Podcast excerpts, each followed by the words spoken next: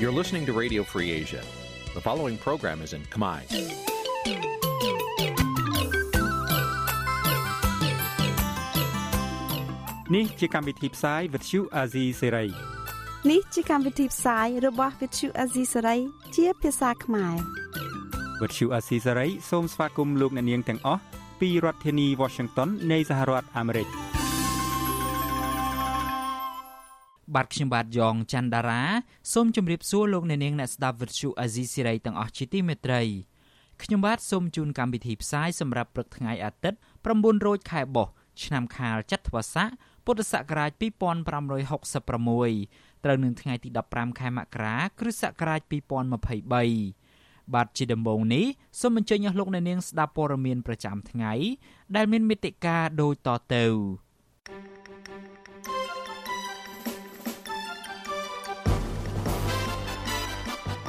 អ្នកខ្លំមើលថាលោកហ៊ុនសែនកាន់អំណាច38ឆ្នាំកាន់តែផ្ដាច់ការប្រតិកម្មរបស់សាធារណជន អំពីការរឹបអូសទ្រព្យសម្បត្តិមន្ត្រីជាន់ខ្ពស់គណៈបកប្រឆាំងពីសំណាក់លោកហ៊ុនសែនមន្ត្រីសិទ្ធិមនុស្សអង្គការសហប្រជាជាតិជួបពិភាក្សាជាមួយតំណាងក្រសួងយុតិធធអំពីកំណែទម្រង់ប្រព័ន្ធច្បាប់កម្មករលអិតធ្វើការប្រជុំគ្រោះថ្នាក់ តែទទួលបានចំណូលតិចមិនគ្រប់សម្រាប់ដោះស្រាយជីវភាព រួមនឹងព័ត៌មានសំខាន់សំខាន់មួយចំនួនទៀត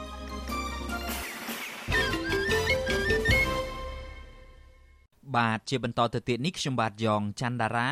សូមជូនព័ត៌មានទាំងនេះពឺស្ដាលោកនាយករដ្ឋមន្ត្រីហ៊ុនសែនអះអាងថានៅក្នុងរយៈពេល38ឆ្នាំនៃការកាន់កាប់អំណាចរបស់លោកលោកបានធ្វើឲ្យប្រជាពលរដ្ឋគោរពស្រឡាញ់និងគាំទ្រលោកជាខ្លាំង ក៏ប៉ុន្តែអ្នកវិភាគនយោបាយនិងមន្ត្រីគណៈបកប្រឆាំងមើលឃើញផ្ទុយពីនេះទៅវិញពួកគេថាលោកហ៊ុនសែនអាចរក្សាតួនាទីរហូតមកដល់សពថ្ងៃនេះមិនមែនមកពីប្រជាពលរដ្ឋខ្មែរពេញចិត្តនឹងលោកនោះទេក៏ប៉ុន្តែដោយសារតែការធ្វើរដ្ឋប្រហារនិងការបង្ក្រាបសម្លេងប្រឆាំងទៅវិញលោកនាយករដ្ឋមន្ត្រីហ៊ុនសែនបានបង្ហោះនៅលើ Facebook របស់លោកតាក់ទងទៅនឹងខួបនៃការកាន់អំណាចរយៈពេល38ឆ្នាំដោយលើកសរសើរខ្លួនឯងថា លោកគឺជានាយករដ្ឋមន្ត្រីដែលប្រជាពលរដ្ឋគោរពស្រឡាញ់និងគាំទ្រខ្លាំងលោកអួតអាងទៀតថាលោកអាចរក្សាតំណែងជានាយករដ្ឋមន្ត្រីបានយូរជាងគេនៅក្នុងពិភពលោកទន្ទឹមនឹងនេះលោកហ៊ុនសែនអួតអាងទៀតថានៅក្នុងរយៈពេល38ឆ្នាំក្រោមការដឹកនាំរបស់លោកលោកបានកសាងអភិវឌ្ឍប្រទេសឲ្យមានការរីកចម្រើនគ្រប់វិស័យផ្ទុយពីការលើកឡើងរបស់លោកហ៊ុនសែននេះអ្នកវិភាគនយោបាយនិងមន្ត្រីគណៈបកប្រឆាំងរិះគន់ថា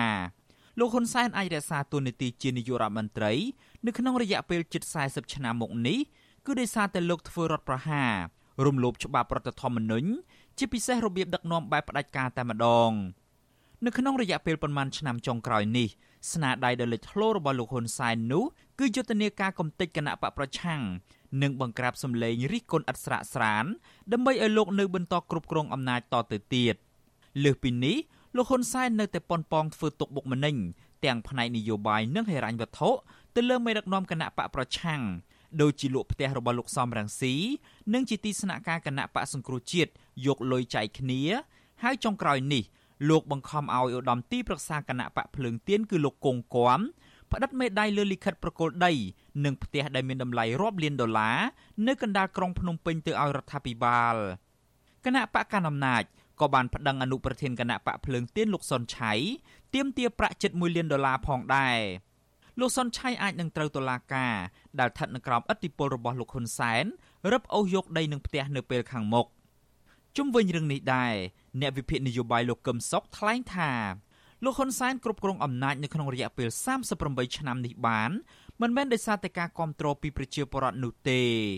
លោកបញ្ជាក់ថាលោកហ៊ុនសែនកាន់អំណាចយូរទៅកាន់តែផ្ដាច់ការអ្នកវិភាគនយោបាយរូបនេះប្រៀបប្រដូចការដឹកនាំរបស់លោកហ៊ុនសែនស្រដៀងទៅនឹងរបៀបដឹកនាំរបស់ខ្មែរក្រហមប៉ុលពតដោយត្រូវកំទេចគូប្រកួតប្រជែងទាំងនៅក្នុងផ្ទៃក្នុងគណៈបកប្រជាជនកម្ពុជា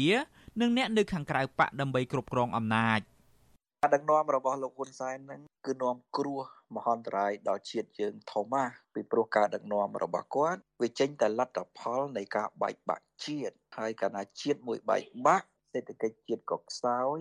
កម្លាំងកសាងជាតិក៏ខ្សោយកម្លាំងការពារជាតិក៏អន់នឹងហើយជាគ្រោះសម្រាប់ជាតិយើង ហើយចំណុចនឹងហើយ ដែលខ្ញុំតែងតែអំពាវនាវថា មានតែអ្នកដែលស្រឡាញ់ជាតិស្រឡាញ់លទ្ធិប្រជាធិបតេយ្យនាំគ្នារួបរวมគ្នាឡើងផ្លាស់ប្ដូរអំណាចក្រុមគ្រួសារហ៊ុនឲ្យបានទើបមានសង្ឃឹមសម្រាប់ជាតិខ្មែរយើងស្រដៀងគ្នានេះដែរមន្ត្រីជាន់ខ្ពស់គណៈបកសង្គ្រោះជាតិលោកអ៊ុំសំអានថ្លែងថាទ ង្វើប្លន់យកដីផ្ទះមេដឹកនាំបកប្រឆាំងបង្ហាញឲ្យមហាជនដឹងកាន់តែច្បាស់ថាលោកហ៊ុនសែនគឺជាអ្នកនយោបាយកំសាកមិនហ៊ានប្រកួតប្រជែងយកអំណាចតាមរយៈការបោះឆ្នោតដោយសេរីត្រឹមត្រូវនឹងយុត្តិធម៌នោះឡើយ។ អំណាចរបស់គាត់ហ្នឹងមិនមានបានមកដោយសុចចិត្តដោយការឆ្លាតវៃក្នុងភាពជាអ្នកដឹកនាំមានវិរៈភាពដឹកនាំប្រទេសនោះទេឬក៏ជាមានដឹកនាំឆ្នើមដែលទទួលស្នាដៃត្រូវដឹកនាំប្រទេសបានយូរគួរឲ្យសរសើរនោះទេគឺតាមរយៈការប្រើកណ្ដាប់ដៃដែកឬរបៀបដឹកនាំបែបផ្ដាច់ការដើម្បីដឹកនាំប្រទេសកម្ពុជាក៏ឆ្លាតមានឆ្លាតរបៀបអាក្រក់ឆ្លាតរបៀបខូចដើម្បីដឹកនាំប្រទេសអង្គការឃ្លាំមើលសិទ្ធិមនុស្សអន្តរជាតិ Human Rights Watch បានចាត់ទុកថាលោកហ៊ុនសែន អាចរក្សាតំណែងតាមរយៈការប្រើប្រាស់អំពើហិង្សានៅក្នុងចេតនានយោបាយគ្រប់គ្រងកងកម្លាំងប្រដាប់អាវុធកេយបន្លំការបោះឆ្នោត និងប្រព្រឹត្តអំពើពុករលួយធ្ងន់ធ្ងរអង្គការនេះបន្តទៀតថាលោកហ៊ុនសែនបានពាក់ព័ន្ធទៅនឹងការរំលោភសិទ្ធិមនុស្សដ៏ធ្ងន់ធ្ងររួមមានអំពើកាប់សម្លាប់ក្រៅច្បាប់អំពើទារុណកម្មការចាប់ឃុំខ្លួន ការត្រួតត្រា ការរារាំងសេរីភាពសមាគមនិងការជួបប្រជុំ ព្រមទាំងការបង្កើតបណ្ដាញស៊ើបការរាយការណ៍នៅពេញផ្ទៃប្រទេសនៅក្នុងគោលបំណងបំផិតបំភ័យនិងបំភាន់សាធារណមតិជាពិសេសនោះយុទ្ធសាស្ត្រចម្បងជាងគេរបស់លោកហ៊ុនសែនគឺការគំរាមកំហែងនិងប្រើប្រាស់កងកម្លាំងលោកអ្នកនាងជាទីមេត្រី លោកសំរងស៊ីប្រធានស្ដីទីគណៈបកសង្គ្រោះជាតិមើលឃើញថារយៈពេល38ឆ្នាំនៃក្រោមការដឹកនាំរបស់ខ្លួន លោកហ៊ុនសែនមិនបានកសាងនិងអភិវឌ្ឍប្រទេសកម្ពុជាឲ្យមានការរីកចម្រើន និងមានមុខមាត់នៅលើឆាកអន្តរជាតិឡើយ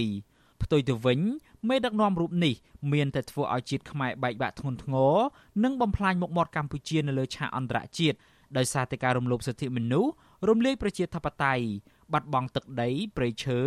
និងធនធានជាសម្បត្តិជាតិផ្សេងផ្សេងជាច្រើនទៀត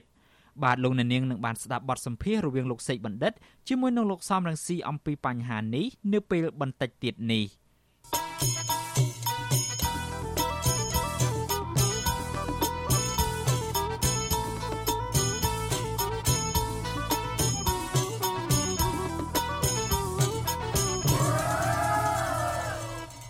លោកអ្នកនាងកំពុងស្ដាប់ការផ្សាយរបស់ Vuthu Azizi Serai ពីរដ្ឋធានី Washington នៃសហរដ្ឋអាមេរិក គណៈកម្មាធិការជាតិរៀបចំការបោះឆ្នោតហៅកាត់ថាកោជបមិនទាន់បានទទួលព័ត៌មានផ្លូវការពីរដ្ឋាភិបាលនៅឡើយអំពីការទទួលបានដីជាង5000ម៉ែត្រការ៉េដែលលោកកុងគំសុកចិត្តសងទៅរដ្ឋវិញក្រោយពេលដែលលោកហ៊ុនសែនគម្រាមប្តឹងរូបលោកអ្នកវិភាគរីគុណថាការប្រកាសរបស់លោកហ៊ុនសែនរឿងយកដីរបស់លោកកុងគំឲ្យកោជបនៅពេលនេះគ្រាន់តែជាលេសបិទបាំងអំពើអាក្រក់របស់ខ្លួនប៉ុណ្ណោះបាទលោកជាតិចំណានរាយការណ៍ព័ត៌មាននេះពឹស្ដា ទោះបីជាមន្ត្រីរដ្ឋាភិបាលអះអាងថាគណៈកម្មាធិការជាតិរៀបចំការបោះឆ្នោតមិនទាន់មានទីស្នាក់ការផ្ទាល់ខ្លួនក្តីក៏ប៉ុន្តែមន្ត្រីកោជបអះអាងថាអគារដែលកោជបកំពុងធ្វើការសប្តាហ៍ថ្ងៃគឺជាអគាររបស់កោជប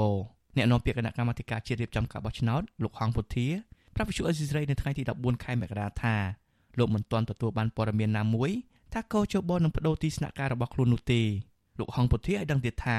លោកក៏មិនទាន់ទទួលបានព័ត៌មានជាផ្លូវការណាមួយ ពីរដ្ឋាភិបាលថាកោជបទទួលបានអគារថ្មីពីរដ្ឋាភិបាលដើម្បីសាងសង់នោះដែរអ្នកនាំពាក្យដដែលឲ្យដឹងថាអគាររបស់កោជបសប្តាហ៍ថ្ងៃមានលទ្ធភាពគ្រប់គ្រាន់បម្រើការងាររបស់ស្ថាប័ននេះប៉ុន្តែបើថ្ងៃមុខមានការប្រែប្រួលទំហំការងារច្រើនជាងនេះគឺកោជបអាចនឹងមានអគារថ្មីដែលមានទីតាំងធំជាងនេះយោងទៅលើបទពិសោធន៍នៃការងារបោះឆ្នោតកោជបគឺមានការដំណើរការបានហើយហើយក៏ ដំណើរការនេះក៏នឹងមានការវិវត្តទៀតណាបើសិនបើសំណុំពរការងារចេះតែកើនឡើងឧទាហរណ៍បច្ចុប្បន្នការបញ្ចូលបច្ចេកវិទ្យាទៅក្នុងនៃវិស័យបោះឆ្នោតនេះក៏ជាកត្តាមួយដែលត្រូវធ្វើឲ្យមានភាពច្បាស់លាស់នៅក្នុងកិច្ចការបោះខ្លួនដែរបាទគណៈកម្មាធិការជាតិរៀបចំការបោះឆ្នោតសប្តាហ៍ថ្ងៃកំពុងបំពេញការងាររបស់ខ្លួនក្នុងអគារទំនើបកម្ពស់14ជាន់ស្ថិតតាមបណ្ដោយវិថីរដ្ឋសភា សង្កាត់តលេបាសាក់ខណ្ឌចំការមនរាជធានីភ្នំពេញអគារនេះចំណាយលុយសាងសង់អស់ជាង12លានដុល្លារហើយក្រុមហ៊ុន Nagawal សាងអគារនេះជូនកោជបជាការដោះដូរដែលក្រុមហ៊ុនបនលបៃមួយនេះសង់ក្រុមហ៊ុនរបស់ខ្លួនលើដីរបស់កោជបកោជបទើបតែបដូរមកធ្វើការនៅអគារនេះកាលពីឆ្នាំ2018ដែលកាលពីដំបូងស្ថាប័នរៀបចំការបោះឆ្នោតមួយនេះធ្វើការនៅក្នុងបរិវេណក្រសួងមហាផ្ទៃកាលពីថ្ងៃទី13ខែមករាលោកនាយករដ្ឋមន្ត្រីហ៊ុនសែន បានសម្រេចយកដីដែលបានទាំងបង្ខំពីឧត្តមទីប្រឹក្សាគណៈបកភ្លឹងទៀនលោកគង់គំប្រកល់ទៅឲ្យគណៈកម្មាធិការជាតិរៀបចំការបោះឆ្នោតដើម្បីសាងសង់អគារទីស្តីការស្ថាប័ននេះអ្នកនាំពាក្យកោជបលោកហងពុធាប្រាប់ថាប្រសិនបរដ្ឋាភិបាលផ្ដល់ដីថ្មីឲ្យកោជបសម្រាប់សាងសង់អគារកោជបនឹងយល់ព្រមទទួលយកតាមការផ្ដល់ឲ្យរបស់រដ្ឋាភិបាលតាក់ទងនឹងរឿងនេះវិសុអស៊ីសេរី មិនអាចសុំការបំភ្លឺបន្ថែមពីប្រធានអង្គភិបអ្នកនាំពាក្យរដ្ឋាភិបាលលោកផៃស៊ីផានបានទេនៅថ្ងៃទី14ខែមករាចំណែកប្រធានសហភាពសហជីពកម្ពុជានិងជាអតីតសមាជិកកោជបលោករងឈុនឲ្យដឹងថាតាមរយៈការបំពេញការងាររបស់លោកក្នុងស្ថាប័នកោជបកន្លងមកលោកដឹងថាអគារដែលកោជបកំពុងធ្វើការសពថ្ងៃជាកម្មសិទ្ធិរបស់កោជបលោករងឈុនយល់ថាកោជបជាស្ថាប័នដែលមានទូនាទីបំពេញការងារជាអ្នកអព្យាក្រឹតត្រឹមត្រូវនឹងយុត្តិធម៌ដូច្នេះស្ថាប័នរបស់រដ្ឋមួយនេះ មិនគួរទទួលយកដីដែលរដ្ឋាភិបាលបានមកពីលោកគង់គំយកមកធ្វើជាទីស្នាក់ការនោះទេព្រោះលោកយល់ថាវិធានការរបស់រដ្ឋាភិបាលដែលទាមទារដីពីលោកគង់គំមិនត្រឹមត្រូវតាមច្បាប់និងជារឿងអយុត្តិធម៌ អ្វីតែភាពមិនស្អាតស្អំហើយឲ្យគេថាស្ថាប័នឯករាជ្យសាងសង់ឬមួយស្នាក់អាស្រ័យដែលធ្វើអាគារធ្វើការហ្នឹងវាធ្វើឲ្យរូបភាពមិនល្អដែរពីព្រោះដីដែលយកទៅដោយ តែទៅតាមច្បាប់ត្រឡប់ត្រឹមត្រូវណាតកតងនឹងរឿងនេះដែរអ្នកវិភាគនយោបាយលោកកឹមសុខយល់ថាចំណាត់ការរបស់រដ្ឋាភិបាលលោកហ៊ុនសែនទៅលើលោកកុងគំ គឺជាវិធីខូខើដែលជាការកម្ចាត់ដៃគូប្រកួតប្រជែងដោយគ្មានការខ្មាស់អៀននិងជាការផ្ដាច់ឬគល់ហិរញ្ញវត្ថុរបស់គណៈបកភ្លើងទៀនគណៈលោកកុងគំគឺជាប្រភពធនធានថវិកាសំខាន់មួយរូបរបស់គណៈបកនេះលោកកឹមសុខបន្តថាទង្វើរបស់លោកហ៊ុនសែនមិនបានផ្ដល់ផលចំណេញដល់លោកហ៊ុនសែនប៉ុន្តែទង្វើនេះនឹងធ្វើឲ្យគ្មានអ្នកមានទំនុកចិត្តទៅលើលោកហ៊ុនសែនទៀតឡើយ។ ក៏ឲ្យផ្ទៃក្នុងគណៈបកប្រជាជនមើលឃើញថាណលោកគង់គួមបានដីកម្មសិទ្ធិដែលគាត់ធ្លាប់រស់នៅជាមួយគណៈបកប្រជាជនកម្ពុជាច្រើនឆ្នាំកម្មសិទ្ធិស្របច្បាប់ទៅទៀតស្រាប់តែគេយកស្រស់ស្រស់ហើយចុះអ្នកដែលលោកនាយករដ្ឋមន្ត្រីហ៊ុនសែននិងលោកហ៊ុនម៉ាណែតមិនពេញចិត្តនៅក្នុងផ្ទៃក្នុងគណៈបកប្រជាជននោះហើយគាត់ស្គាល់មុខទាំងអស់តាពួកគេក៏នឹងមានការបារម្ភខ្ពស់ដែរថាថ្ងៃក្រោយប៉ះពាល់ដល់ពួកគេហើយដូច្នេះពួកគេនោះ ក៏คล้ายទៅជាកម្លាំងច្បាស់លាស់ក្នុងការប្រឆាំងនឹងអំណាចក្រុមគ្រួសារហ៊ុនដែរបើទោះបីជាមានការចោទប្រកាន់បែបនេះក្តីក៏ប៉ុន្តែអ្នកនាំពាក្យគណៈបកប្រជាជនកម្ពុជាលោកសុកអេសាននៅតែការពីចំណាត់ការរបស់ប្រធានគណៈបករបស់លោកថាជាចំណាត់ការស្របច្បាប់អា នេះវាក៏នៅការយល់ឃើញរបស់មជ្ឈដ្ឋានមកខាងទៀតទេមជ្ឈដ្ឋានប្រឆាំងដែលកាន់ជើងការគុំគំនឹងតែតែតាមពិតនឹងសម្ដេចដែលអាចចាត់វិធីឲ្យធ្វើនេះគឺស្របទៅតាមគោលការណ៍ច្បាប់ទេមិនមែនជារឿងយករឿងបុគ្គលមកធ្វើទេពីព្រោះការទៅនៅគ្រាន់តែឲ្យរីការជូនប្រធានអង្គភាពអានឹងបានស្ដីថាមិនមែនជាការឲ្យដាច់ទេគឺថាឲ្យខ្ចីផ្ដោះអាសន្នទេ លោកគង់គំនឹងភរិយាបានផ្តិតមេដាយលើលិខិតប្រគល់ដីនឹងផ្ទះដែលមានតម្លៃរាប់លានដុល្លារជូនទៅរដ្ឋាភិបាលលោកហ៊ុនសែនកាលពីថ្ងៃទី12ខែមករា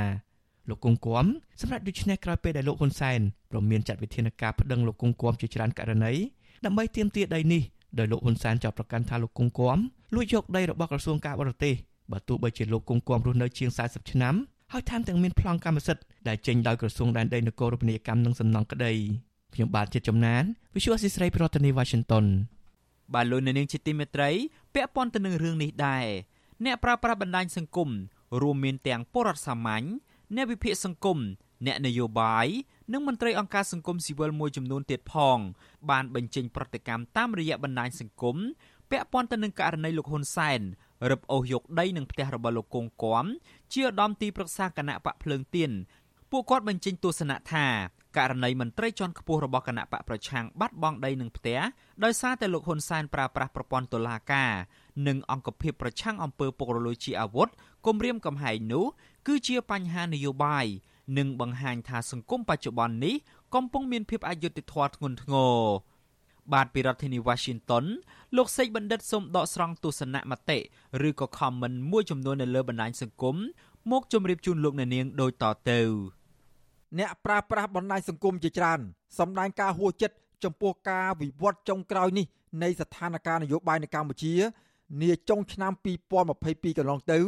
និងនៅដើមឆ្នាំ2023នេះនោះគឺករណីរដ្ឋាភិបាលឯកបៈរបស់លោកនាយករដ្ឋមន្ត្រីហ៊ុនសែនរឹបអូសទ្រព្យសម្បត្តិរួមមានដីនិងផ្ទះរបស់មន្ត្រីជាន់ខ្ពស់គណៈបកប្រឆាំងរួមទាំងលោកសំរងស៊ីលោកសុនឆៃនិងលោកគង់គំជាដើមពាក់ព័ន្ធនឹងរឿងនេះ អ្នកប្រើប្រាស់បណ្ដាញសង្គម Facebook ឈ្មោះសម្បូរមាសពេជ្របានបញ្ចេញទស្សនៈឬ comment ដោយចាត់ទុករឿងនេះថាជាអំពើប្លន់ដោយប្រើអំណាចរបស់លោកហ៊ុនសែនម្ចាស់ករណី Facebook ដដែលនេះបន្តថារបបដេរឆាន ពិតជាសាហាវខូខើជាងខ្មែរក្រហមទៅទៀតនេះជាអំពើដែលលោកហ៊ុនសែនគំរាមដល់ប្រជាពលរដ្ឋខ្មែរដែលមាននិន្នាការផ្ទុយពីរបបឯកបៈរបស់លោក ម្ចាស់កេរនី Facebook រូបនេះបានបន្តថារឿងនេះដោយសារតែលោកហ៊ុនសែនអត់មានថវិកាក្នុងធនាគារជាតិបើកឲ្យមន្ត្រីរាជការរបស់លោកទើបលោកដើរប្លន់ផ្ទះសម្បែងរបស់មន្ត្រីគណៈបកប្រឆាំងដែលមានប្រជាប្រិយភាពព្រោះលោកហ៊ុនសែនខ្លាចនឹងភ័យចាញ់ឆ្នោតនៅអាណត្តិថ្មីខាងមុខនេះដោយឡែកអ្នកប្រើប្រាស់បណ្ដាញសង្គម Facebook ម្នាក់ទៀតឈ្មោះចិត្តឆាំបានបញ្ចេញទស្សនៈដោយចោទសួរថាកន្លែងណាក៏ជាដីរបស់រដ្ឋដែរ ចុះហេតុអីអ្នកដតីគេយកបានតើគាត់មិនមែនជាគ្រួសារខ្មែរមែនទេ បានជាធ្វើយ៉ាងដូចនេះដាក់គ្រួសារគាត់ បាទពាក្យថាគាត់ក្នុងសារខមមិនរបស់ម្ចាស់ករណី Facebook រូបនេះទំនងជាលោកចង់សម្ដៅទៅលើលោកគង់គំនិងមន្ត្រីគណៈបកប្រឆាំងដទៃទៀតដែលកំពុងបាត់បង់ផ្ទះសម្បែងនិងដីធ្លីចំណែកឯម្ចាស់ករណី Facebook មួយទៀតឈ្មោះវណ្ណរិនពុត បានចាត់ទុកករណីរដ្ឋាភិបាលហ៊ុនសែនរឹបអូសយកផ្ទះលោកគង់គំនិងមន្ត្រីគណៈបកប្រឆាំងដទៃទៀតនេះថាជាការប្លន់ទាំងរស់និងថាជាមេចោសាហាវជាងគេនៅក្នុងអាស៊ានរីឯម្ចាស់ករណី Facebook ផ្សេងទៀតដែលដាក់ឈ្មោះថាធុនបូលីវិញ បានបញ្ចេញមតិយល់ឃើញថាសោកសង្វេងណាស់លោកអើយលោកខ្ញុំចាំតែមើលទេ ពេលលោកឯងផែនដីខ្ជិបយកទៅ ចាំមើលយកអីទៅបានខ្លះ លោកឯងធ្វើឲ្យគ្រួសារខ្មែរឈឺចាប់រស់មិនស្មើនឹងងាប់អ្នកឯងចង្រៃផុតលេខអ្នកប្រើប្រាស់បណ្ដាញសង្គម Facebook ផ្សេងទៀតឈ្មោះវិបុលម៉ៅបានផ្ដល់ជាទស្សនៈក្នុងន័យធៀបហាក់ចង់ឌឺដងឲ្យរដ្ឋាភិបាលឯកបៈលោកហ៊ុនសែនដែរថាស្រុកសន្តិភាពអាសាច់ជូនខ្លាទើបនៅស្រុកបានវិបុលម៉ៅបានសរសេរបន្តថាចោលមិនអៀនខ្មាស់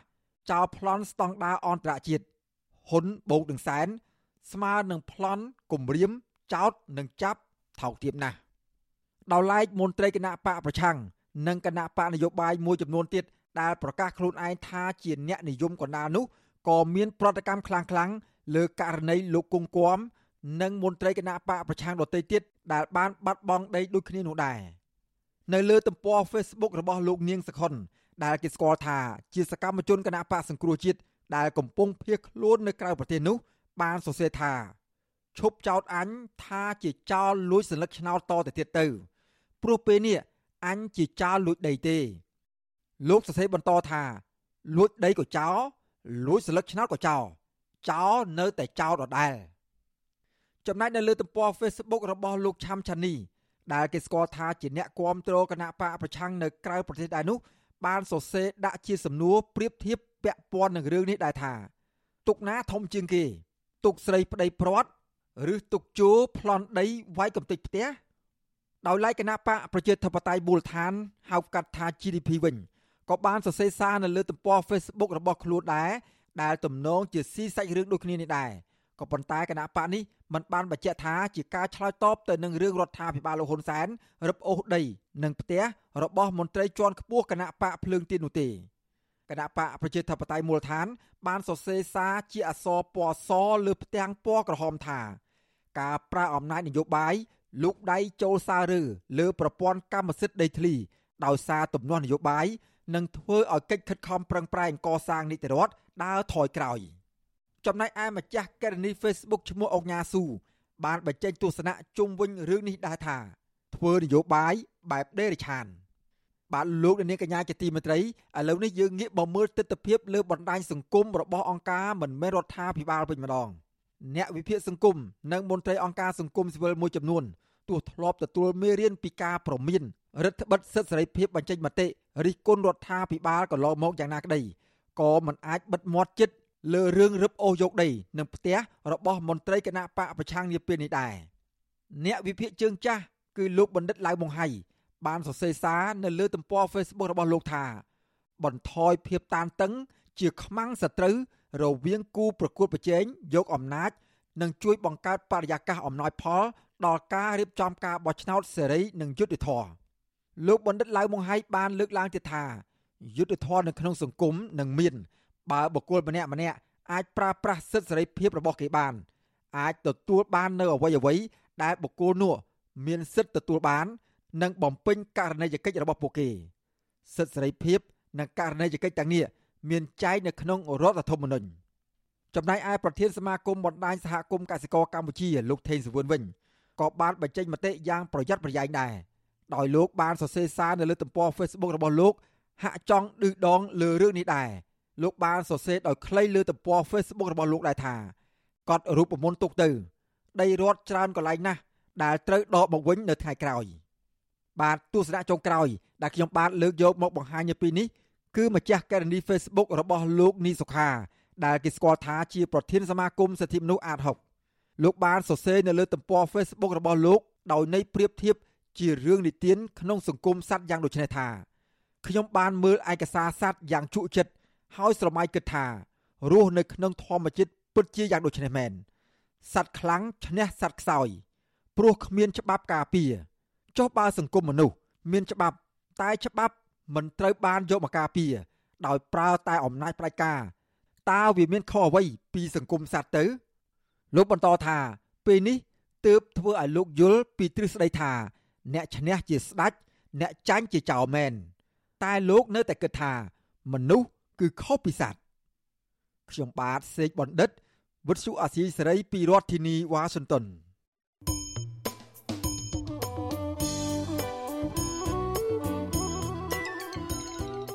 លោកអ្នកនាងជាទីមេត្រីដំណើរគ្នានឹងស្ដាប់ការផ្សាយរបស់វិទ្យុអាស៊ីសេរីនៅតាមបណ្ដាញសង្គម Facebook និង YouTube លោកអ្នកនាងក៏អាចស្ដាប់ការផ្សាយរបស់យើងតាមវិទ្យុរលកធាតុអាកាសខ្លីបានដែរពេលព្រឹកចាប់ពីម៉ោង5កន្លះដល់ម៉ោង6កន្លះតាមរយៈប៉ុស SW 9.39 MHz ស្មើនឹងកម្ពស់ 32m និងប៉ុស SW 11.85 MHz ស្មើនឹងកម្ពស់ 25m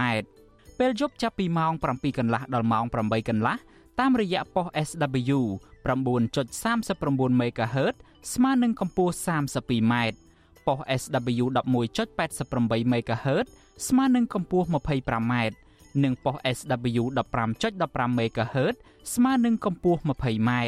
បាទសូមអរគុណ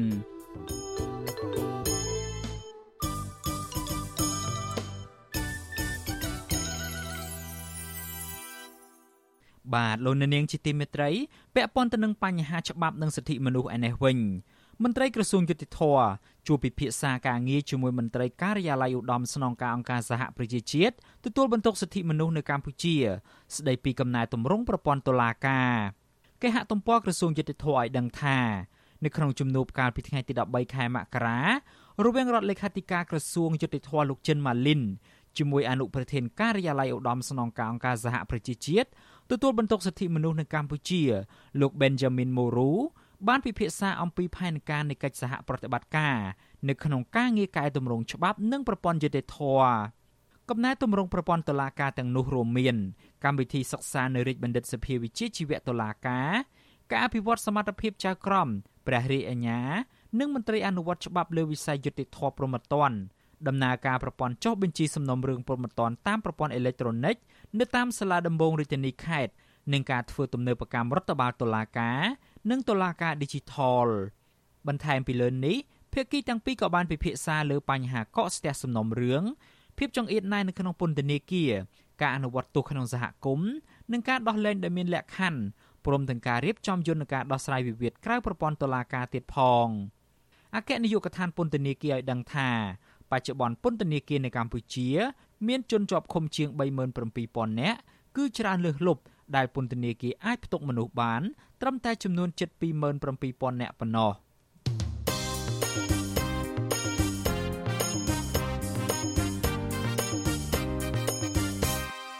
បាទលោកអ្នកនាងជាទីមេត្រីពាក់ព័ន្ធទៅនឹងរឿងការគៀបសង្កត់ទៅលើសិទ្ធិសេរីភាពនៃការបញ្ចេញមតិឯនេះវិញ ក្រមយុវជនការពារបរិស្ថានព្យាយាមចែកខិត្តប័ណ្ណឬក៏ sticker ទៅដល់សាធារណជន អំពីបញ្ហាកោះកុងក្រៅបើទោះបីជាអាជ្ញាធររារាំងមិនឲ្យចែកនៅក្នុងបរិវេណសាកលវិទ្យាល័យភូមិន្ទភ្នំពេញយ៉ាងណាក្តី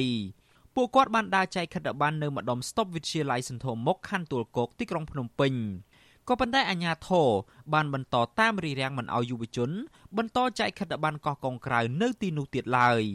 បាទអ្នកស្រីម៉ៅសុធានីរាយការណ៍ព័ត៌មាននេះពឺស្ដាក្រោយពីអ្នកគ្រប់គ្រងសាកលវិទ្យាល័យភូមិន្ទភ្នំពេញ និងអាជ្ញាធរខណ្ឌទួលគោកបិទស្តង់ឬតូបរបស់ក្រុមនិស្សិត ដែលជាសកម្មជនបរិស្ថានមិនឲ្យលួចដូង និងចែកខិត្តប័ណ្ណផ្សព្វផ្សាយកកុងក្រៅ ក្នុងខួបលើកទី63ឆ្នាំរបស់សាលា ក្រុមសកម្មជនប្រមាណ20នាក់ បន្តចែកខិត្តប័ណ្ណកកុងក្រៅនៅខាងក្រៅបរិវេណរបស់សាលាវិញក៏ប៉ុន្តែនៅតែមានការរំខានពីក្រុមអាជ្ញាធរទួគោកប្រមាណ10នាក់ដដែល។ សកម្មជនបរិស្ថាននិងជានិស្សិតឆ្នាំទី4សិក្សាផ្នែកព័ត៌មានវិទ្យានៅសាកលវិទ្យាល័យភូមិន្ទភ្នំពេញកញ្ញាភួនកែរស្មីប្រពន្ធស៊ីស្រីនៅថ្ងៃទី14ខែមករាថាការបិទស្តង់របស់ក្រមសកម្មជនបរិស្ថាន គឺជាគំរូអាក្រក់មួយរបស់ថ្នាក់ដឹកនាំសាកលវិទ្យាល័យពីព្រោះសាលាគឺជាកន្លែងបណ្ដុះធនធានមនុស្សឲ្យចេះស្រឡាញ់បរិស្ថានប៉ុន្តែបែរមកហាមឃាត់យុវជនផ្សព្វផ្សាយពីបរិស្ថានទៅវិញ។ កញ្ញាបន្តថាកន្លែងអប់រំគួរតែបើកសិទ្ធិទូលំទូលាយដល់សិស្សនិស្សិតឲ្យធ្វើប្រយោជន៍ដល់សង្គមហាញាធរមិនគួរមករដ្ឋបិទឲ្យគ្រាន់តែយុវជនចែកចាយខិត្តប័ណ្ណកោះកុងក្រៅនោះឡើយ។ ការអនុវត្តសិទ្ធិសេរីភាពផ្សេងផ្សេងទៀតមិនតែខ្ញុំទេបងប្អូនជាពលរដ្ឋខ្មែរសុទ្ធតែអាចធ្វើបានអញ្ចឹងទៅយើងអត់បង្ហាញថាការគម្រាមកំហែងទាំងអស់ហ្នឹងវាមានផលឬក៏វាមានប្រសិទ្ធភាពមកលើយុវជនទេគ្រាន់តែយើងគោរពការសម្រេចចិត្តរបស់សាកលវិទ្យាល័យ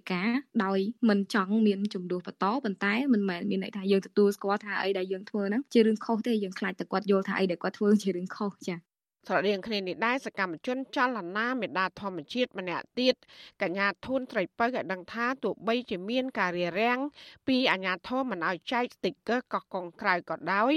ក៏ក្រុមរបស់កញ្ញានៅតែចង់ផ្សព្វផ្សាយពីធនធានធម្មជាតិមួយនេះ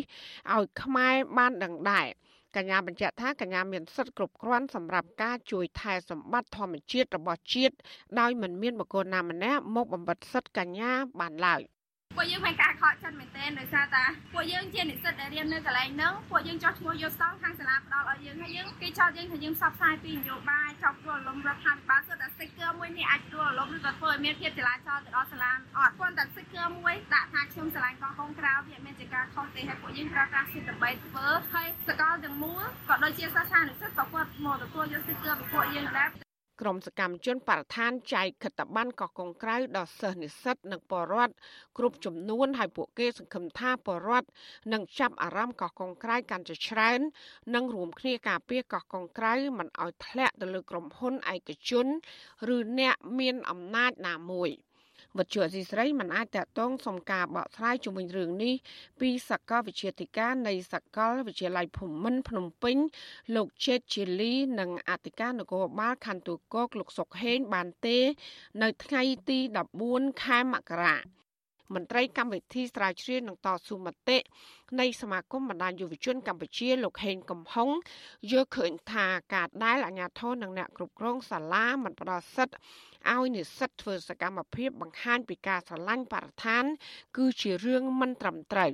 លោកបន្តថាស្ថាប័នអប់រំគឺជាកន្លែងបណ្ដុះបណ្ដាលយុវជនឲ្យគិតពីប្រយោជន៍សង្គមជាចម្បងក៏ប៉ុន្តែបែរមកហាមឃាត់យុវជនដែលកំពុងធ្វើប្រយោជន៍ឲ្យជាតិដែលនេះគឺជាការបិទសិទ្ធិភាពរបស់ពួកគេផ្ទុយពីច្បាប់ អាជ្ញាធរមូលដ្ឋាននិងសាលាទាំងអស់ដែលជាកន្លែងបដោះធនធានមនុស្សនឹងគួរតែបើកទូលាយឲ្យក្រុមមនុស្សនឹងគាត់មានការគិតជាពិសេសក្រុមអ្នកដែលមានការគិតផលប្រយោជន៍រួមសង្គមនឹងគួរតែទទួលបានឱកាសកាន់តែល្អឬក៏ការបើកទូលាយឲ្យមានការពិភាក្សាពីបញ្ហាផលប្រយោជន៍សង្គមបញ្ហាបរិស្ថានធនធានធម្មជាតិដើម្បីកុំឲ្យមនុស្សនឹងក្រិនគំនិតហើយបើសិនជាសាលាដើរតួនាទីជាកន្លែងរដ្ឋបិទនៃការគិតមិនឲ្យមានការរីកចម្រើនធនធានមនុស្សក៏ផលិតមកដែលមិនមានភាពរីកចម្រើនដែរបាទ កោះកុងឬអ្នកស្រុកនិយមហៅថាកោះកុងក្រៅ មានទីតាំងស្ថិតនៅឃុំជ្រោយប្រោះស្រុកកោះកុងហើយដែលមានចម្ងាយប្រមាណ30គីឡូម៉ែត្រពីក្រុងខេមរៈភូមិន្ទទីរួមខេត្តកោះកុង សកម្មជនបរិស្ថានអះអាងថាកោះនេះមានផ្ទៃដី103គីឡូម៉ែត្រក្រឡាហើយសម្បូរទៅដោយធនធានធម្មជាតិចម្រុះរួមមានព្រៃឈើឆ្នេរខ្សាច់សក្បោះទឹកសមុទ្រថ្លាឆ្វេងកូនភ្នំទឹកជ្រោះព្រមទាំងសត្វព្រៃនិងសត្វសមុទ្រជាច្រើនប្រភេទចាននាងខ្ញុំម៉ៃសុធានីវិទ្យុអសីស្រីប្រធានាធិបតី Washington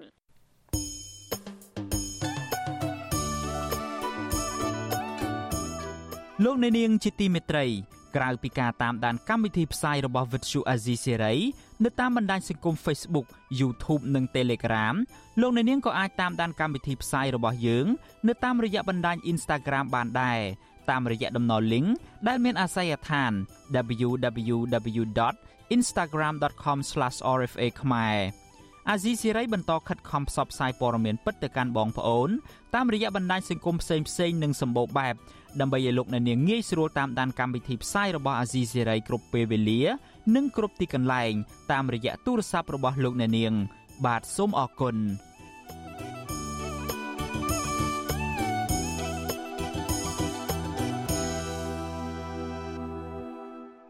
លោកអ្នកនាងកំពុងស្ដាប់ការផ្សាយរបស់ Vuthu Azizi Serai ពីរដ្ឋធានី Washington នៃសហរដ្ឋអាមេរិកប្រជាប្រដ្ឋប្រមាណ300គ្រួសារ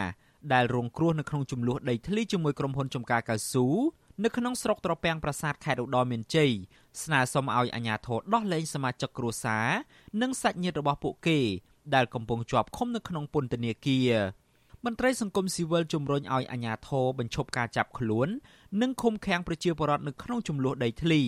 និងដោះស្រាយជូនពលរដ្ឋដោយផ្អែកទៅលើគោលការណ៍យុត្តិធម៌និងគុណធម៌បាទលោកលេងម៉ាលីរាយការណ៍ព័ត៌មាននេះ ប្រជាពលរដ្ឋជាង300គ្រួសារនៅស្រុកត្រពាំងប្រាសាទខេត្តឧត្តរមានជ័យប្រឈមនឹងជីវភាពលំបាកនិងបាក់បែកគ្រួសារបន្ទាប់ពីអាជ្ញាធរបណ្តេញចេញដោយបង្ខំហើយចាប់ខ្លួនសមាជិកគ្រួសារយកទៅឃុំឃាំងនៅពន្ធនាគារក្នុងចំនួនដីធ្លីជាមួយក្រុមហ៊ុនចំការកៅស៊ូសុកសំណាង ពលរដ្ឋរងគ្រោះក្នុងចំនួនដីធ្លីនៅស្រុកត្រពាំងប្រាសាទខេត្តឧត្តរមានជ័យដែលសុំមិនបញ្ចេញឈ្មោះប្រាប់វិទ្យុអស៊ីសេរីនៅថ្ងៃទី13មករាថាលោកស្រីនៅតែបន្តរស់នៅលាក់ខ្លួននិងមិនហ៊ានវិលត្រឡប់ទៅផ្ទះវិញឡើយដោយសារខ្លាចអាជ្ញាធរចាប់ខ្លួនលោកស្រីបន្តថាកូនបង្កើតនិងកូនប្រសារលោកស្រីម្នាក់កំពុងជាប់ឃុំក្នុងពន្ធនាគារហើយមកទល់ពេលនេះលោកស្រីមិនទាន់ដឹងអំពីស្ថានភាពពួកគេនៅឡើយទេ លោកស្រីស្នើដល់អាជ្ញាធរឲ្យដោះលែងកូនកូននិងអ្នកជាប់ឃុំដទៃទៀតព្រមទាំងបញ្ឈប់ការគំរាមកំហែងតាមចាប់ខ្លួនអ្នកភូមិដើម្បីឲ្យពួកគេវិលត្រឡប់ទៅជួបជុំគ្រួសារនិងកសាងជីវិតសាជាថ្មី។ សូមឲ្យសម្ដេចគាត់ជួយដោះលែងគាត់ឲ្យរួចពីហើយពន្ធនាគារនៅលោកគ្រូអើយខ្ញុំថ្នាក់អាណិតអាគ្នាអស់ទីអស់សម្បែកអស់ទៅលោកអស់អុយហើយចាប់ដាក់គ្នាដាក់ពន្ធនាគារទៀតលោកគ្រូស្នើសុំឲ្យបកពាក្យមិនដឹងពាក្យអុយចេញឲ្យគ្នារួចឲ្យមើលកូនមើលចៅលោកគ្រូអើយទៅនោះគ្នាណាលោកគ្រូកាលពីថ្ងៃទី10ខែធ្នូឆ្នាំ2022 កងកម្លាំងចម្រុះប្រដាប់ដោយអាវុធនិងដំបង បានចូលទៅវាយដំពលរដ្ឋដែលមានទំនាស់ដីធ្លីជាមួយក្រុមហ៊ុនចំការកៅស៊ូសុកសំណាងទាំងកំរោលគណៈពលរដ្ឋទាំងនោះមិនបានតវ៉ាឬប្រឆាំងតបតអ្វីឡើយក្រុមអាជ្ញាធរបានដុតកំទេចផ្ទះសម្បែងរឹបអូសទ្រព្យសម្បត្តិដូចជាម៉ូតូគោយន្តម៉ាស៊ីនបូមទឹក និងចាប់ខ្លួនពលរដ្ឋចំនួន8នាក់យកទៅឃុំឃាំងនៅពន្ធនាគារ អង្គការលីកាដូបញ្ជាក់ថាមានអ្នកភូមិទាំងអស់19នាក់កំពុងជាប់ឃុំបណ្ដោះអាសន្ននៅក្នុងពន្ធនាគារខេត្តឧត្តរមានជ័យដើម្បីរងចាំសវនាការទោះជាយ៉ាងណាក្តីប្រជាពលរដ្ឋអះអាងថាអ្នកភូមិដែលអាជ្ញាធរចាប់ខ្លួននិងកំពុងជាប់ឃុំក្នុងពន្ធនាគារទាំងអស់មានចំនួន27នាក់វិទ្យុអស៊ីសេរីមិនអាចតាក់ទងប្រធានលេខាធិការដ្ឋានរដ្ឋបាលតុលាការខេត្តឧត្តរមានជ័យលោកហែលឆេងហុង និងអភិបាលខេត្តឧត្តរមានជ័យលោកប៉ែនកុសលដើម្បីសាកសួររឿងនេះបាននៅឡើយទេនៅថ្ងៃទី13មករាចំណែកតំណាងក្រុមហ៊ុនសុកសំណាង លោកខុតចន្ទថាក៏អសីសេរីមិនទាន់អាចតាក់ទងបានដូចគ្នាករណីបណ្ដឹងចេញដោយបង្ខំកាលពីថ្ងៃទី10ធ្នូបណ្ដាលឲ្យប្រជាពលរដ្ឋដែលរួចផុតពីការចាប់ខ្លួននៅពេលនោះភ័យតក់ស្លុតរត់គេចខ្លួនចោលផ្ទះសម្បែងរបស់របរលុយកាក់បែកបាក់គ្រួសារនិងខ្លះរងរបួសទៀតផង។ ស្របពេលលំនៅឋានត្រូវបានអាជ្ញាធរដុតបំផ្លាញនិងរឹបអូសទ្រព្យសម្បត្តិអស់កាន់តែធ្វើឲ្យពួកគេប្រឈមនឹងជីវភាពខ្វះខាត និងជំពាក់បំណុលធនាគារបច្ចុប្បន្នដីដែលកំពុងមានចំនួននេះត្រូវបានក្រុមហ៊ុនសុកសំណាងជួលទៅឲ្យប្រជាពលរដ្ឋដែលមកពីបណ្ដាខេត្តផ្សេងក្នុងតម្លៃ1លានរៀលក្នុង1ហិកតា រយៈពេល1ឆ្នាំទោះជាយ៉ាងណាក្តីប្រជាពលរដ្ឋរងគ្រោះជាង300គ្រួសារអះអាងថា ដីទាំងនោះជាដីដែលពួកគាត់នាំគ្នាកាប់ឆ្ការ និងតាំងទីលំនៅ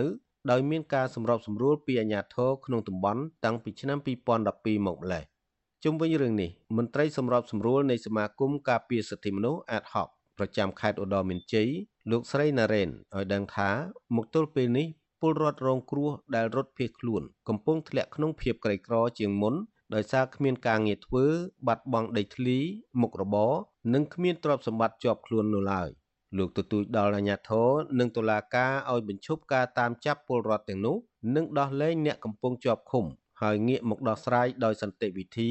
ប្រកបដោយភាពយុត្តិធម៌និងសមស្របសម្រាប់ពលរដ្ឋដើម្បីឲ្យពួកគាត់មានឱកាសប្រកបរបរចិញ្ចឹមជីវិត។ គឺយើងមានការដោះស្រាយក្រៅប្រព័ន្ធតុលាការធ្វើការសម្រុះសម្រួលតាក់ទងនឹងវិវាទដីធ្លីហ្នឹងក៏ជាការល្អដែរព្រោះរដ្ឋាភិបាលកន្លងមកក៏លោកមានយន្តការមួយដោះស្រាយក្រៅប្រព័ន្ធតុលាការឃើញសមាជិកបរដ្ឋាភិបាលមួយចំនួនលោកយកយន្តការដោះស្រាយក្រៅប្រព័ន្ធតុលាការហ្នឹងមកនិយាយពីរឿងការសម្រុះសម្រួលសម្ពាធនៅគ្នាដើម្បីចែកគ្នាហ្នឹងចង់ជែកចេញតែតាក់ទងទៅរឿងដីធ្លីមួយទេបើសិនជាអាចធ្វើការសម្ពាធគ្នាដោះស្រាយក្រៅប្រព័ន្ធតុលាការដោយគុណធម៌ក៏ជាការល្អដែរដើម្បីកុំឲ្យគាត់ខាតពេលវេលាមានជួបការលំបាកឲ្យច្រើនកន្លងទៅលោកនាយករដ្ឋមន្ត្រីហ៊ុនសែនធ្លាប់ប្រកាសឲ្យមន្ត្រីក្រមអាវ៉ាតនៅតាមរដ្ឋបាលខេត្តនីមួយៗដោះស្រាយបញ្ហាដីធ្លីជូនប្រជាពលរដ្ឋដោយមិនត្រូវប្រើអំពើហិង្សាឬចាប់ខ្លួនដាក់ពន្ធនាគារនោះឡើយទោះជាយ៉ាងណាក្តីក៏បញ្ហាចំនួនដីធ្លីនៅកម្ពុជានៅតែអូសបន្លាយនិងកើនឡើងជាបន្តបន្ទាប់ហើយប្រជាពលរដ្ឋនៅតែបន្តរងគ្រោះពីការប្រើអំពើហិង្សា និងការចាប់ឃុំខ្លួន ទោះបីប្រជាពលរដ្ឋនាំគ្នាតវ៉ារកដំណោះស្រាយដល់ផ្ទះលោកហ៊ុនសែនក្តីខ្ញុំបាទលេងម៉ាលីវិទ្យុអស៊ីសេរីពីរដ្ឋធានី Washington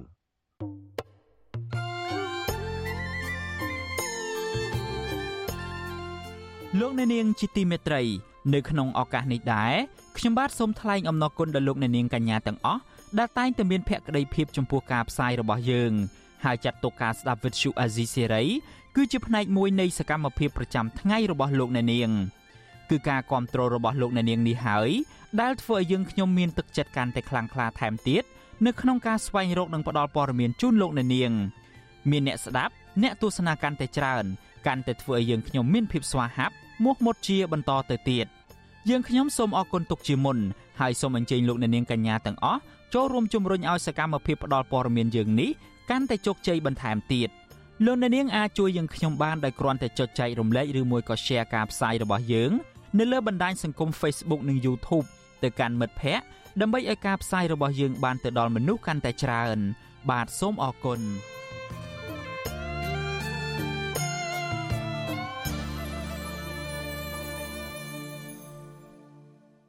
បាទលោកអ្នកនាងជាទីមេត្រីពាក់ព័ន្ធទៅនឹងរឿងទឹកស្អាតឯនេះវិញ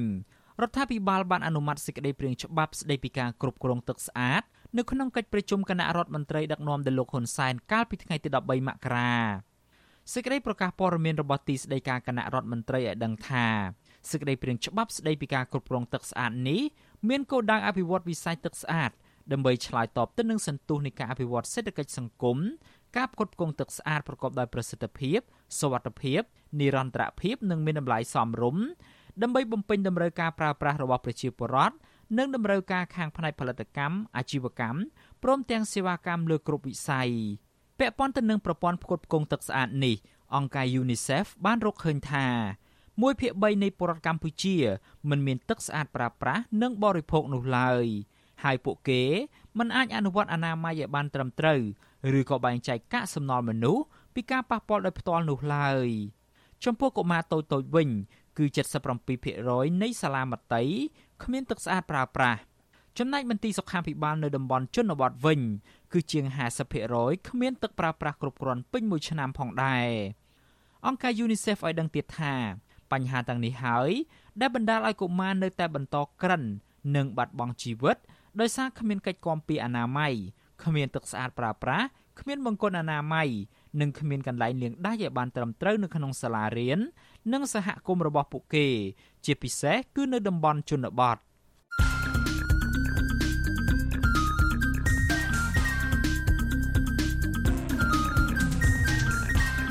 បទសំភារ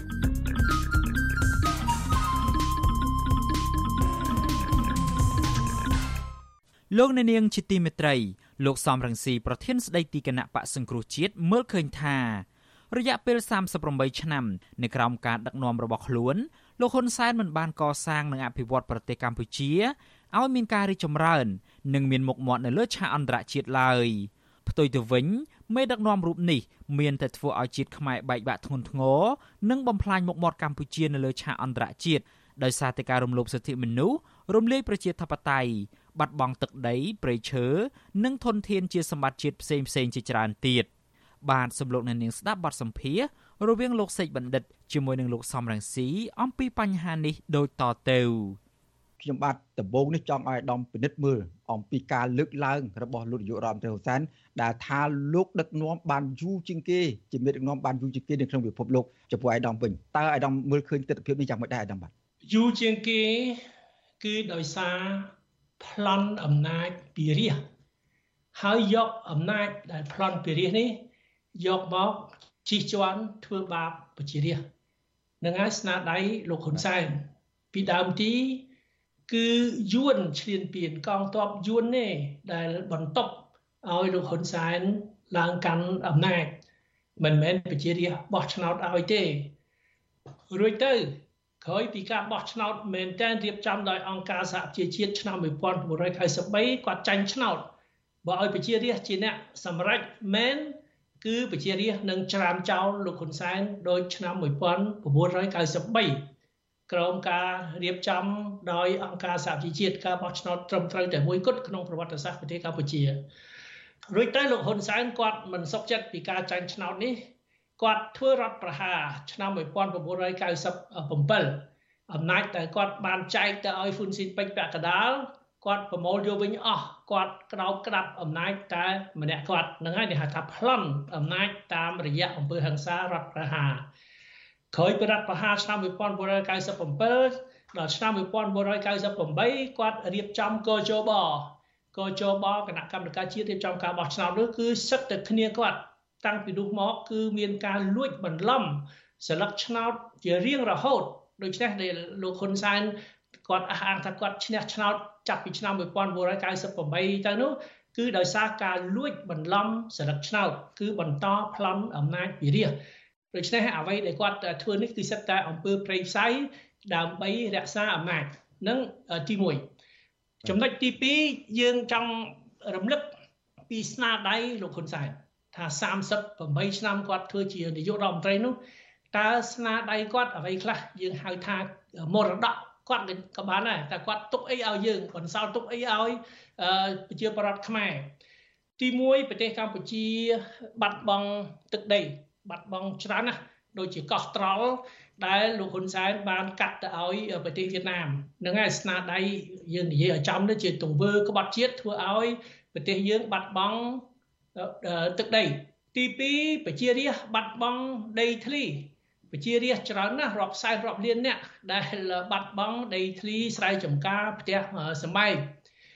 ទី3បំផ្លាញព្រៃឈើព្រៃឈើគឺត្រូវគេកាប់បំផ្លាញហើយធនធានធម្មជាតិជាច្រើនគេបំផ្លាញហើយគេលក់ខ្ទេចខ្ទីអស់នឹងស្នាដៃលោកហ៊ុនសែនហើយមិនមែនតែព្រៃឈើទេភ្នំក៏គេរំលាយបឹងក៏គេលុប យើងយើងឃើញហើយប៉ះពាល់ដល់បរិស្ថានដែលក្មួយក្មួយជាយុវជនការពារបរិស្ថានបានលើកលើកលាតត្រដាងហើយគេគៀបសង្កត់មិនអោយនិយាយរឿងនេះហើយស្នាដៃលោកហ៊ុនសែនដ៏ធំមួយទៀតធ្វើឲ្យប្រជាពលរដ្ឋក្រីក្រអត់ការងារធ្វើចំណាក់ស្រុក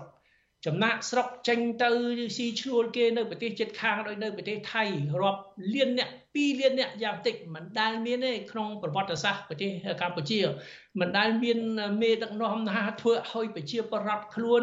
មិនអាចរស់នៅលើទឹកដីកំណើតរបស់ខ្លួនហើយបង្ខំចិត្តទៅស៊ីឈ្នួលគេយ៉ាងវិជ្ជមាននៅក្រៅប្រទេសឯងនឹងស្នាដៃលោកហ៊ុនសែនដ៏អាក្រក់មែនទែនស្នាដៃដ៏អាក្រក់មួយទៀតគឺរឿងបំណុល មិនដែលមានទេក្នុងប្រវត្តិសាស្ត្រប្រទេសកម្ពុជា ប្រជាពលរដ្ឋស្ទើរទាំងទូទាំងប្រទេសចំពាក់លុយធនាគារចំពាក់លុយអង្គការផ្សេងផ្សេងវ៉ាន់កបើយើងប្រៀបធៀបទៅនឹងប្រទេសដទៃទៀតក្នុងពិភពលោកគ្មានមាន ប្រទេសណា ដែលប្រជាពលរដ្ឋចម្ពាក់លុយគេច្រើនលើសលប់ចម្ពាក់លុយធនាគារអ៊ីមីក្រូហេរ៉ាញ់វត្ថុអីនោះ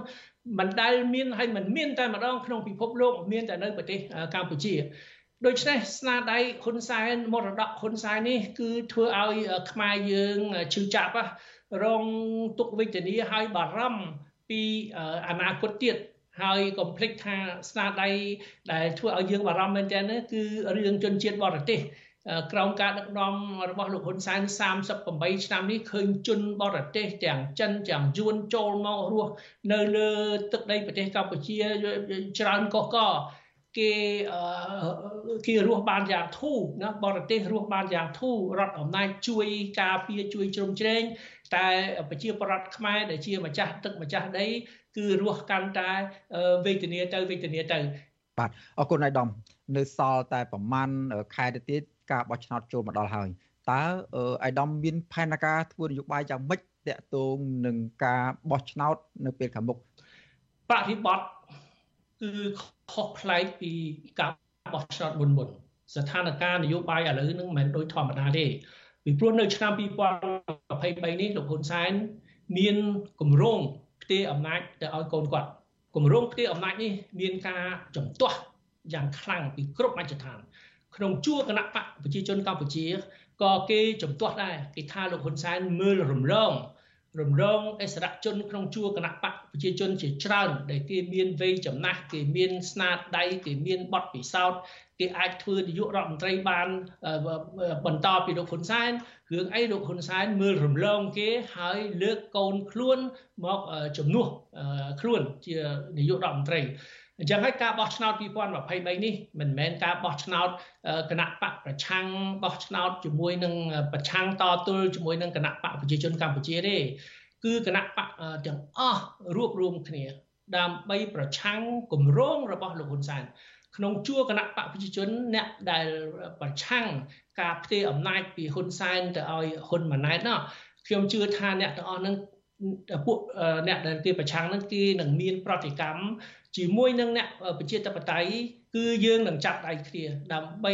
ទប់ស្កាត់កុំឲ្យហ៊ុនសែនផ្ទេរអំណាចទៅឲ្យកូនគាត់ត្រូវមានអ្នកដឹកនាំមាននាយករដ្ឋមន្ត្រីថ្មីខ្ញុំគ្រប់គ្រងឲ្យមាននាយករដ្ឋមន្ត្រីថ្មីមកពីគណៈបកប្រជាជនចាស់តែកុំឲ្យចេញមកពីត្រកូលហ៊ុនកុំកុំយកកូនហ៊ុនសែនដាច់ខាតឲ្យយកអសរជនដទៃទៀត ពីគណៈបកប្រជាជន គឺយើងរួបរวมគ្នាអ្នកប្រជាធិបតេយ្យក្នុងស្រុកនឹងគ្រប់គ្រងគណៈបកប្រជាជនណាដែលជំទាស់មិនឲ្យហ៊ុនម៉ាណែតឡើងមកកាន់តំណែងជំនួសហ៊ុនសែនបាទអាយដាមតើខាងគណៈបកប្រឆាំងវិញក្រៅពីអាយដាមនិងអាយដាមកម្មសខាតើមានតួថ្មីបេក្ខភាពណាថ្មីដើម្បីប្រកួតប្រជែងជាមួយនឹងអ្នកតវិញចំនួនថ្មីពីគណៈបកកណ្ដាលអំណាចដែរទេបាទអាស្រ័យអសរជនដែលប្រជាពលរដ្ឋទុកចិត្ត តែខ្ញុំជឿថាប្រជាពលរដ្ឋលោកមើលលោកមើលប្រវត្តិលោកមើលចំហលោកមើលឧត្តមកតេអ្នកដែលស្មោះត្រង់ជាមួយប្រជារាស្ត្រដែលតស៊ូប្រឆាំងនឹងរបបផ្ដាច់ការគឺបើយើងនៅស្មោះត្រង់ជាមួយប្រជារាស្ត្រគឺប្រជារាស្ត្រនៅតែគ្រប់គ្រងអ្នកស្មោះត្រង់ជានិច្ចសូមអរគុណអាដាមសំណាស៊ីបាទជម្រាបលាបាទលោកអ្នកនាងទើបតែបានស្ដាប់បទសម្ភាសន៍រវាងលោកសេចបណ្ឌិតជាមួយនឹងលោកសំរងស៊ី អំពីការដឹកនាំប្រទេសរយៈពេល38ឆ្នាំរបស់លោកហ៊ុនសែននិងស្ថានភាពនយោបាយបច្ចុប្បន្ននៅកម្ពុជា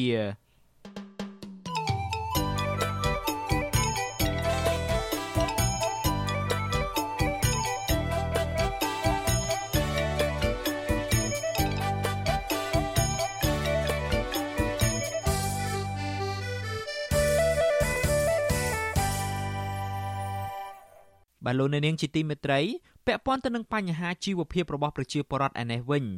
កម្មករដែលកំពុងធ្វើការនៅក្នុងសិប្បកម្មលអិតត្អូញត្អែអំពីបញ្ហាជីវភាពខ្វះខាតដោយសារធ្វើការងារទាំងគ្រួសារ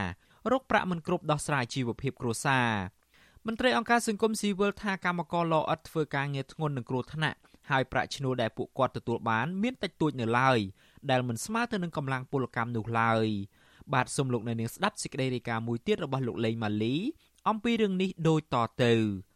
កម្មករលអិតនៅឃុំរស័យជ្រោយខេត្តកណ្ដាលត្អូញត្អែថាពួកគាត់ខិតខំធ្វើការជាច្រើនឆ្នាំមកហើយនៅតែមិនទាន់មានជីវភាពធូរធារនិងមិនអាចផ្គត់ផ្គង់កូនកូនឲ្យរៀនសូត្របានគ្រប់គ្រាន់កម្មការនីម្នាក់មកពីខេត្តស្វាយរៀងនិងកំពុងធ្វើការនៅការដ្ឋានលអិតខេត្តកណ្ដាលលោកស្រីហ៊ីសាមៀនរៀបរាប់ថាលោកស្រីធ្វើការប្រឈមនឹងគ្រោះថ្នាក់ដូចជាប៉ះចំចំហាយក្តៅខ្លាំង ធូលីហុយពិបាកដកដង្ហើម និងលអិតបាក់ស្រុតជាដើម តែដោយមិនអាចរកមុខរបរផ្សេងក្រៅពីការងារនេះបានទើបស៊ូទ្រាំធ្វើការនៅទីនេះទាំងគ្រួសារលោកស្រីបន្តថាលោកស្រីនិងប្តីរបស់លោកស្រីត្រូវប្រឹងធ្វើការចិញ្ចឹមកូន2នាក់និងក្មួយម្នាក់ដែលកំពុងរៀននៅថ្នាក់វិទ្យាល័យ លោកស្រីបញ្ជាក់ថាទោះបីលោកស្រីខំធ្វើការយ៉ាងណាក៏ដោយក៏ជីវភាពនៅតែខ្វះខាតព្រោះប្រាក់ចំណូលតិចមួយថ្ងៃបានជាង10000រៀលមិនគ្រប់បង់ថ្លៃសាលាឲ្យកូន និងចាយវាយប្រចាំថ្ងៃនោះទេលោកស្រីស្នើសុំក្រសួងការងារឲ្យងាកមកមើលទុកលំបាករបស់កម្មករលអិតនិងដំឡើងប្រាក់ឈ្នួលដល់អ្នកធ្វើការងារក្នុងផ្នែកនេះឲ្យបានសមរម្យ។លុយ បើកអត់មានលុយចាយទេដូចថ្ងៃហ្នឹងខ្ញុំមិនមានលុយសោះអញ្ចឹងខ្ញុំសុំស្នើពើឲ្យក្រសួងពាក់ព័ន្ធនិងក្រសួងការងារហ្នឹងសុំឲ្យចុះមកមើលកម្មករអត់សុំតំណាងប្រាក់ឈ្នួលកម្មករអត់គ្រប់គ្រប់គ្នាហើយពួកខ្ញុំពិបាកអាពិបាកមែនតើមិនពិបាកតែខ្ញុំប៉ុន្តែគាត់ថាបងបងហាគាត់ពិបាកដែរតែគាត់អាចដោះស្រាយបានគាត់ពីណាគាត់ពាក់តែលុយលទេហើយកូនគាត់អត់ស្ឹកបានទៅរៀនទេហើយខ្ញុំទៅនំពរថាបើសិនជាអាចខ្ញុំសុំស្នើពើឲ្យមានអង្គការអីមានគ្រូឲ្យចុះបង្រៀនក្មេងតាមលផងពួកឧស្សាហ៍ខ្លះគាត់អត់មានឲ្យកូនទៅរៀនទេពួកគាត់អត់មានលទ្ធភាពពីណាទៅឲ្យទៅរៀនទៅគ្មានអ្នកណាមើលកូនទូចអីចឹងលោកស្រីហ៊ីសមៀនឲ្យដឹងទៀតថាលោកស្រីធ្វើការងារដោយមិនហ៊ានឈប់សម្រាកទេទោះជាមានផ្ទៃពោះក៏ដោយព្រោះតម្រូវការចាយវាយប្រចាំថ្ងៃច្រើនលោកស្រីនិយាយទាំងអួលដើមកថាពេលខ្លះលោកស្រីពុំមានលុយឲ្យកូនទៅរៀនឬទិញសៀវភៅសិក្សារបស់កូននោះទេ គ្រូដែលគាត់និយាយមកខ្ញុំគាត់មិនថាពេលខ្ញុំពិបាកខ្ញុំអត់ចឹងគាត់ដាក់ដល់គ្រូខ្ញុំទេគាត់និយាយថាបើគ្មានលុយបង់កូនខ្ញុំមកប្រុសថ្នាក់ទី9ហ្នឹងឲ្យទៅរៀនសាលាផ្សឹងមួយទៀតទៅសាលាដែលបង់លុយហើយឲ្យខ្ញុំបង់លុយតែកូនខ្ញុំមួយស្រីថ្នាក់ទី12ទៅខ្ញុំថាខ្ញុំខ្ញុំអត់មានលុយប៉ុន្តែខ្ញុំចង់ឲ្យកូនខ្ញុំរៀនខាងសាលាគាត់រាប់និយាយថាពេលបើសិនជាអត់លទ្ធភាពគេមានអ្នកចុះមើលអញ្ចឹងគេអាចដល់គ្រូលើកលែងឲ្យយើងបង់10% 20%អញ្ចឹងពេលខ្ញុំទៅជួបតខ្ញុំនិយាយមកអត់តែហ្មងគាត់អត់និយាយគាត់មកសំណួរមកខ្ញុំវិញថាឆ្ងល់បងឯងដែរអត់មានលុយបង់អត់មានលទ្ធភាពមិនឆ្ងល់បងឯងមិនចេះចង់ឲ្យកូនរៀនសាលាហ្នឹងអញ្ចឹងមិនន័យថាគ្រូនោះគាត់មិនចង់ឲ្យកូនអ្នកក្រមានចំណេះចេះដឹងទេ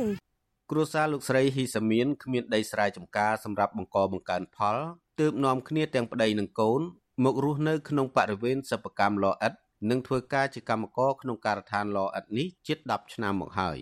ស្រដៀងគ្នានេះដែរ កម្មការនីម្នាក់ទៀតធ្វើការនៅសិប្បកម្មលអិតខេត្តកណ្ដាលមានស្រុកកំណើតនៅខេត្តកំពង់ចាមគឺលោកស្រីដិនសុកលេងត្អូញត្អែថាលោកស្រីនិងប្តីធ្វើការមួយថ្ងៃបានប្រាក់ជាង10000រៀលតែស៊ូទ្រាំធ្វើដើម្បីរកប្រាក់ឲ្យចៅពីរនាក់បានសិក្សារៀនសូត្រស្ត្រីអាយុជាង60ឆ្នាំរូបនេះបន្តថាលោកស្រីត្រូវមកធ្វើការពីព្រឹកដល់យប់ទើបបានសម្រាកហើយត្រូវចំណាយកម្លាំងច្រើនលើកដាក់ឥដ្ឋនៅក្នុងឡនិងយកចេញពីឡពេលឥដ្ឋដុតរួច។ អូយមិនគ្រប់គ្រាន់ទេគ្រូអើយគឺតើមានទៅដឹងហើយគ្មានខ្វះផឹកខ្វះល្ងាចអមិនថាកម្មកោលោកអត់ថានិយាយវិញនិយាយមិនចាញ់អានេះបើទៅធៀបធៀបបើយើងលក់ដូរទៅវាគ្មានឧថាគ្រាន់តែពិបាកលក់ដូរតែបានលុយចំណូលចូលបើនេះចំណូលចូលដែរប៉ុន្តែចំណូលចូលតិចណាបណ្ដាក់អីគេស៊ីអញ្ចឹងទៅតម្រាំទៅដល់អាទិត្យបាន4 10ម៉ឺនមកគ្រាន់តែសងគេទៅខ្វះផឹកខ្វះល្ងាចគ្រូ លោកស្រីដិនសុកលេងបញ្ជាក់ទៀតថាលោកស្រីចម្ពាក់អ្នកភូមិតិចតួចដែលបានខ្ចីគេមកទិញអាហារហូបចុកប្រចាំថ្ងៃខ្លះនិងខ្ចីលុយកម្មករដូចគ្នាឲ្យចៅទៅរៀនលោកបើកប្រាក់មកក៏សងគេវិញរាល់អាទិត្យគ្មានប្រាក់សន្សំទេលោកស្រីបន្ថែមទាំងនឿយហត់ថាលោកស្រីមានកូន3នាក់ដែរតែពួកគេមានប្តីប្រពន្ធអស់នាំគ្នាទៅធ្វើការនៅរោងចក្រកាត់ដេរដោយទុកចៅ2នាក់ឲ្យលោកស្រីចិញ្ចឹម លោកស្រីថាលោកស្រីនឹកមិនឃើញទៅប្រកបមុខរបរផ្សេងក្រៅពីធ្វើកម្មករលអិតនេះទេដោយសារតែលោកស្រីនិងប្តីមានវ័យចំណាស់ហើយដើមទុនក៏គ្មានដីស្រែក៏គ្មាន មានមុខរបរអីគ្រូអើយបានជាមកធ្វើការលោអត់ហ្នឹងនៅនឹងទៅហៅអីបានអញ្ចឹងហើយមកធ្វើហ្នឹងទៅគ្រាន់បានបន្តិចតិចហូបទៅវិធានាណាគ្រូអើយធ្វើការលោអត់ហ្នឹងជួនណាទៅគេឲ្យយើងឈប់តំណត់តណែងគ្រាន់តែឈប់លឺម៉ោងតិចខ្វះម៉ោងតិចអូគេថាឲ្យវាមុខវាក្រោយដូចអីចឹងបាក់ណាវិធានា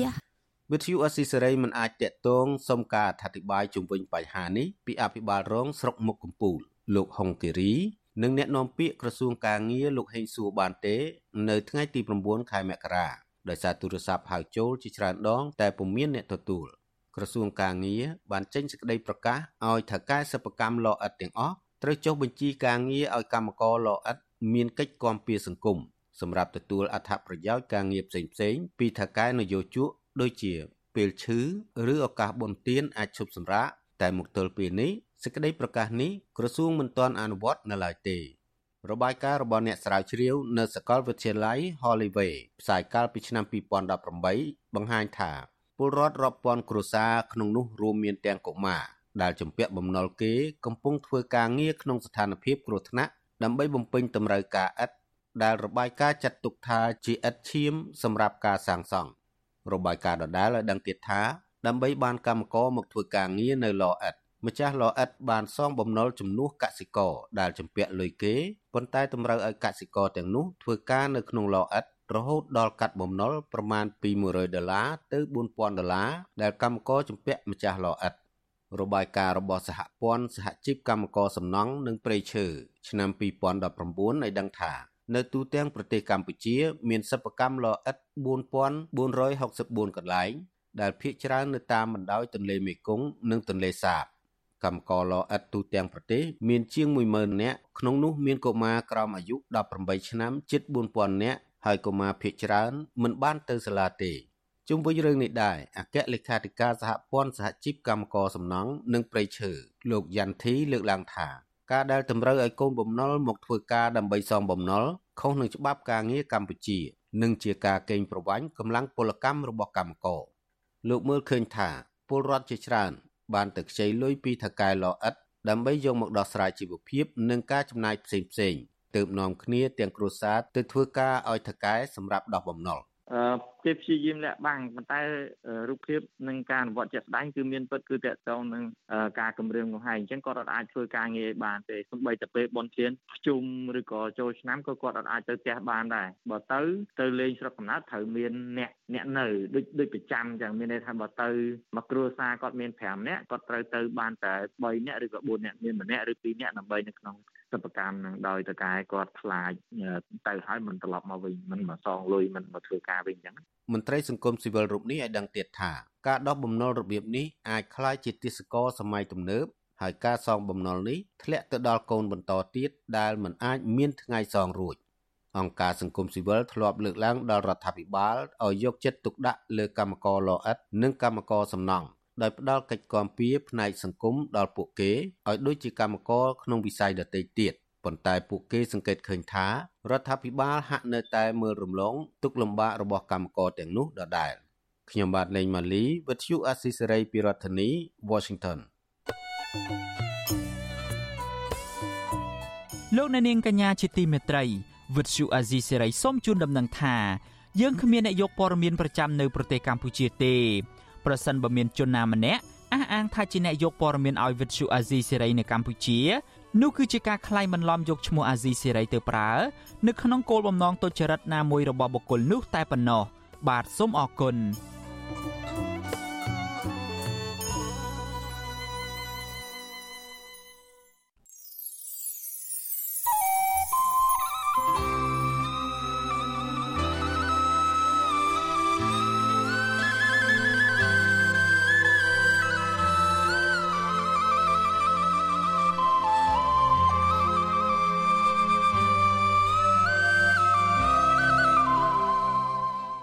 លោកអ្នកនាងជាទីមេត្រីការផ្សាយរយៈពេល1ម៉ោងរបស់វិទ្យុអាស៊ីសេរីនៅព្រឹកនេះចប់ត្រឹមតែប៉ុណ្ណេះយើងខ្ញុំសូមជូនពរដល់លោកអ្នកនាងព្រមទាំងក្រុមគ្រួសារទាំងអស់ឲ្យជួបប្រកបតែនឹងសេចក្តីសុខចម្រើនរុងរឿងកុំបីឃ្លៀងឃ្លាតឡើយខ្ញុំបាទយ៉ងច័ន្ទដារាព្រមទាំងក្រុមការងារទាំងអស់នៃវិទ្យុអាស៊ីសេរីសូមអរគុណនិងសូមជម្រាបលា